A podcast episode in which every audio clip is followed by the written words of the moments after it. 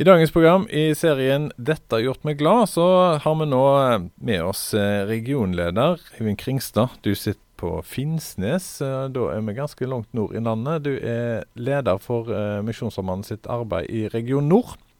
Det du hadde lyst til å snakke om, det var et arrangement som var sist helg, som det har gjort deg glad. Hva, hva er grunnen til at du ble oppløfta og glad av det som skjedde sist helg?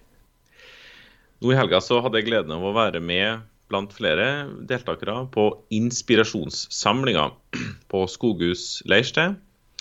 Og det her er et nokså sånn tradisjonsrikt arrangement som vanligvis blir arrangert i ja, månedsskiftet januar-februar. Vi var en liten komité som planla det og hadde gode planer og mange ting som vi tenkte skulle bli bra. Men jeg eh, skjønte jo i den covid-perioden som vi var i da, at det ville blitt en gjennomføring med veldig god avstand og munnbind og det hele. Eh, I beste fall et veldig redusert eh, program, kan vi si da. Så vi tenkte ja, er det andre helger vi har tilgjengelig? Ja, det var ei helg som eh, var liksom eh, tilgjengelig framover våren. Det var den helga som var nå. Og sjøl om det ble litt mer armarbeid med å gjennomføre ting og sånn, så var det et ei flott helg med ganske mange deltakere i forhold til hvordan vi har hatt, eh, hvordan ting har vært i det siste. Mange barn. Eh, mye tid til forkynnelse og oppbyggelse gjennom forskjellige typer samlinger. Og mye tid til samtale, som mange benytta seg av. Så det som jeg kjenner på er veldig inspirert av, er rett og slett å ha hatt god tid sammen i et kristent fellesskap og omsorgsfellesskap. Og det å erfare at eh, ja, vet du hva, det var sånn det var. Stemmer det. Det var sånn vi drev på. Og så ja, oppleve at mange kjente på at det, det, var fint, altså. Det var godt å være i lag over litt tid, som ei helg jo gir mulighet til.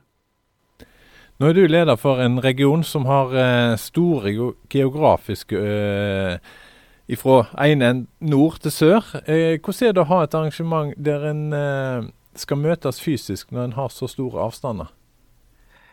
Vet du hva, Nå, jeg må bare være ærlig og si at det var ikke veldig mange fra kjempestore deler av regionen. Sånn er det nesten alltid når vi har ting. Vi, det er like langt å kjøre om man bor i en eller andre plassen, så, så det vil alltid ha en viss sånt geografisk eh, greie. Men det var folk som kjørte over fire timer liksom, for å komme. Så det er vi veldig glad for at det kunne fungere sånn nå.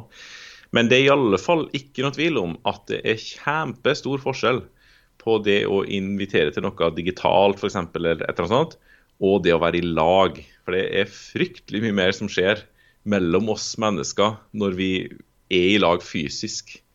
Så det syns jeg var kjempetydelig. Det, du snakker i lag på en helt annen måte. Du kan ta opp ting på en helt annen måte. Og ja, synge i lag. Høre hverandres mer eller mindre eller bedre stemmer. ja, det er veldig flott, altså. Veldig flott. Ja. Hva tilbakemeldinger fikk du for de som uh, fikk med seg denne helga? Du, veldig mange gode tilbakemeldinger. Nå var det ganske mange familiefolk som var med, bl.a. Som f.eks.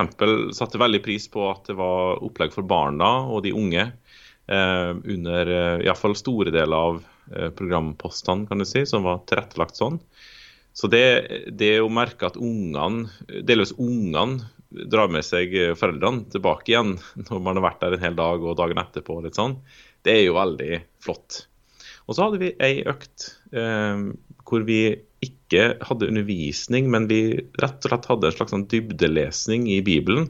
Leste én setning, og så hadde vi den en halv time på oss på å lese den ene setningen. Og det å oppleve å ha så mye tid eh, til bare å lese et kort stykke fra Bibelen, det var en ny opplevelse for mange. og det å erfare at man liksom kommer inn i bibelordet på en annen måte, det var det flere som bl.a. bemerka. Så det er flott å legge merke til.